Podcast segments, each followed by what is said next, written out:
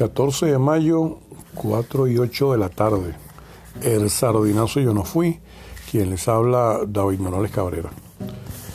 En el libro Suma de Venezuela de Marino Picón Sala hay una extraordinaria introducción que nos da cuenta de una serie de acontecimientos que suceden en la Venezuela entre los siglos XIX y XX a propósito de la historia que estamos contando sobre Cipriano Castro para que los oyentes se pongan un poco en conocimiento de el contexto de lo que está sucediendo alrededor de Castro. Y bueno, es un viable, bien interesante escuchar este esta introducción de Mariano Picón Sala.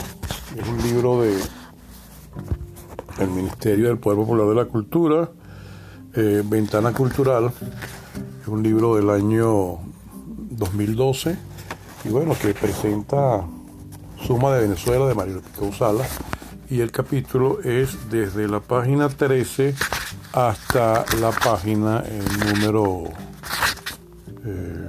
28. Eh, Hoy vamos a leer una parte. Dice así, la aventura venezolana. Desde que Andrés Bello al final de la colonia escribía un resumen de la historia del país, los venezolanos nos hemos inclinado a ver el recuento de nuestro pretérito como anuncio y vaticinio del porvenir. No es una inmensa, a veces trágica profecía toda la obra escrita de Bolívar, que es como el gran himno que acompaña su acción. Según fuera su marcha por América y los problemas que le brotaban al paso, que él trataba de someter y vencer como Hércules a sus hidras y gorgonas, el libertador podía pasar, y esto es completamente humano, del entusiasmo al pesimismo. ¿O a dónde nos está llevando los hechos el signo peculiar de estos pueblos? Es una pregunta íncita en todo su pensamiento, desde la Carta de Jamaica hasta la proclama con que se despide de sus conciudadanos en 1830. La independencia comenzaba un proceso que, como todos en el devenir histórico, para lograr sus fines, debía surcar las más variadas y tormentosas corrientes de adversidad. Invocando a Bolívar como el dios tutelar que se llevó temprano la muerte y vaticinando también todos los recursos que nuestro país puede ofrecer al mundo, este, viven y padecen muchas generaciones venezolanas durante el siglo XIX. ¿No era un poco de consuelo en la recatada y desposeída existencia de un Cecilio Acosta que al par que se queja en una carta de que carecía de dinero para pagar el porte del correo, se exalta en otro artículo diciendo que aquí las bestias pisan oro y es pan cuanto se toca con las manos. Desde la aflicción de hoy se miraba la dorada promesa utópica de mañana. Los venezolanos del siglo XIX y de las dos primeras décadas del siglo XX, hasta que comenzó a explotarse el vellocino petrolero, vivían mediocremente, continuamente consternados por el caudillo que se alzó, la guerra civil que no permitía recoger bien las cosechas y la fluctuación de precios en sus escasos productos de exportación. El café, el cacao, los cueros. La estrechez de nuestros presupuestos de entonces, que más que pagar adecuadamente los servicios públicos, parecían dádivas de hambreados y una remota esperanza que al fin habría de llegar, con los frutos de la tierra, con la democrática caraota, el cazabe y la arepa y el tasajo llanero y la tacita de café amoroso que despertaba la imaginación, se pasaba la vida y se conjuraba un futuro lejano y siempre inaccesible. No hubo en nuestra historia de entonces esos fértiles dorados que especialmente la minería ofreció a otros países hermanos como México, Chile y Perú, o la abierta y rápida prosperidad de Argentina. En los años de su cesarismo y cuando no tenía que vencer a ningún otro general, alzado, Guzmán Blanco dio su reboque de yeso, plantó cariátides y metopas en algunos edificios públicos, construyó el Paseo del Calvario, el Teatro Municipal y el Capitolio, hizo concursos literarios y subvencionó compañías de ópera. Con humor y gracia criolla, algunos venezolanos de fines del siglo XIX podían pensar que nos estábamos civilizando y refinando en extremo, pero qué poco era ese yeso arquitectónico las estatuas y motivos decorativos importados de Francia y los gorgoritos de la ópera, ante el vasto silencio de la ignorancia, la soledad y atraso que venía de la entraña de la inmensidad venezolana. Aún en Caracas misma, la vida era menos lujosa y más mediocre que en otras capitales de América. Contemplando los grabados de una revista como El Cojo Ilustrado, se puede fijar el repertorio de lo que los venezolanos eran y de lo que soñaban en relación con otros pueblos a fines del siglo XIX. Casi había un contraste trágico entre la ambición y grandeza de nuestra historia cuando en el periodo de la independencia los venezolanos, ganando batallas, formando repúblicas y haciendo leyes, se desparramaron por media América del Sur y lo que habíamos terminado siendo éramos un poco como Don Quijote después de su última y desventurada salida y estábamos dispuestos a contar nuestro cuento nostálgico al bachiller, el cura y la sobrina. En nuestra literatura novelesca, hasta el modernismo, son casi personajes insistentes la espada, el kepis y el uniforme que el abuelo o el lejano tío lucieron en Ayacucho y que se decoloraban, viejos de tiempo, desengaño y cansancio en el desván de la casa familiar, hipotecada y retrovendida. La mujer, un poco muda y resignada en la literatura venezolana hasta los días actuales, apenas forma parte del coro trágico y acompaña a llorar.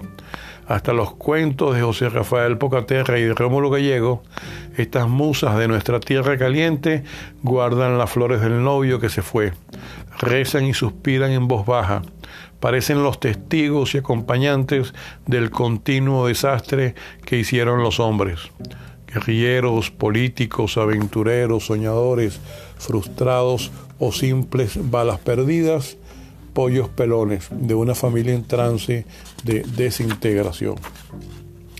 La gente, sin embargo, que cumplieron la hazaña de llegar hasta el Alto Perú no habían sido mediocres, sino algunas de las más decididas y despiertas de América eso de que los venezolanos estaban despertando para algo y que en las costas y valles del país se seguían con interés las noticias de Europa en un tiempo tan cargado de tensiones históricas como el que abrió el siglo XIX, se registran los grandes viajeros que llegaron a tierra firme en los años que anteceden a la Revolución de Independencia, como Humboldt y de Pons Humboldt no solo se asombra con el paisaje y se deslumbra en Venezuela con la luz equinoccial, sino simpatiza con los hombres.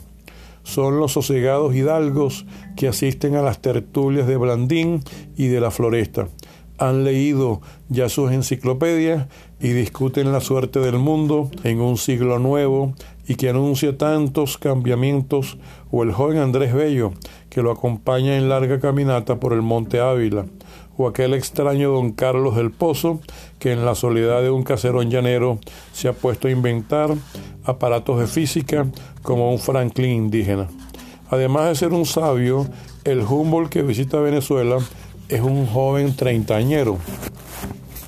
Y el regocijo de haber descubierto un Edén tropical y sumamente prometedor se advierte en las páginas que le inspiran sus viajes. ¿Acaso ninguna otra promoción de hombres tan inteligentes y empeñosos pudiera encontrarse en ninguna otra parte de América como la que realizaría en las tres primeras décadas del siglo XIX la aventura y milagro histórico de Venezuela? Están como en los cuadros históricos de Tobar y Tobar, con sus grandes corbatones flotantes, sus casacas azules, las últimas pelucas del antiguo régimen, firmando con la pluta de independencia de 1811. Pero el fondo de los retratos será el paisaje de volcanes, cordilleras, selvas y estepas del continente, y las batallas que separan a Caracas del Alto Perú. Pero qué difícil volver a ordenar la casa después de la larga expedición de gloria y derroche vital por todos los caminos de América. A una Venezuela despoblada y hambriada por haber pagado en hombres y recursos el costo de la gran hazaña, tornan los soldados que estuvieron en Ayacucho y los políticos de la frustrada Gran Colombia. Ha muerto Sucre en la montaña de Berrueco y la paz llena de intrigas de las facciones y conspiradores, más peligrosa que la guerra. Acabó con Bolívar a los 47 años, a la escasa oligarquía culta y a la vieja prudencia de comerciantes y hacendados que en medio de la general estrechez repea un poder económico. Se confía a Páez en 1830 para organizar el país. Debe apaciguar y someter a sus propios conmilitones acostumbrarlos a un orden civil que si no es el de la democracia perfecta, parece una traducción tropical de la monarquía inglesa. Se cuenta para este orden, a pesar de varias revueltas y de algún inevitable fusilamiento, con el prestigio carismático del gran caudillo, primer lancero del mundo, José Antonio Páez, más valiente y diestro que los otros, e intuitivo, sosegado y discreto para saber escuchar a los hombres inteligentes del país y para tener como una especie de vicario general, como sucesor que asegura la continuidad de la política al prudente y flemático Sublet. Progresa sin duda Venezuela entre 1830 y 1848. Tiene fama de país ensado, mientras la Argentina sufre la tiranía de Rosa México el torpe caudillismo de Santa Ana, Nueva Granada se anarquiza en facciones y en casi todo el continente el caudillismo militar y la guerra civil se hacen instituciones congénitas. Se siembra café, cacao y añil, se restauran las viejas haciendas que habían enmalezado el abandono y la guerra, y el paquebote que llega a Saint Thomas y descarga en goletas y bergantines nos aporta algunos bienes de la civilización europea. Don Fermín Toro recibe sus revistas inglesas y francesas, estudia los problemas que han engendrado la revolución industrial y los abusos del liberalismo económico y las primeras consignas del socialismo romántico. Agitan la alborotada cabeza de Antonio Locayo Guzmán. Nace una literatura venezolana ya bastante vivaz y decorosa en las primeras páginas de Toro, Baral, Juan Vicente González, escritores costumbristas del mosaico. Se empieza a creer en la inmigración europea y en la educación regeneradora. Y llegan los primeros inmigrantes alemanes que establecen la colonia Tobar hombres de tanto genio como Vargas y Cajigal fundan lo que puede llamarse nuestra medicina y nuestra ingeniería moderna. Bueno, hasta aquí esta primera parte de este, esta parte introductoria de Mariano Picón Sala en el libro Suma de Venezuela, donde bueno, nos va narrando el contexto peculiar en el cual se moviliza el siglo XIX y el siglo XX. Esto es fundamental para poder comprender eh, el otro, eh, la otra sesión de programas, episodios que estamos haciendo sobre Cipriano Castro. Bueno, se despide la tarde de hoy David Morales Cabrera, el 40.482, desde el programa El Sardinazo Yo No Fui, 14 de mayo a las 4 y 21 de la tarde. Que pasen buenas tardes.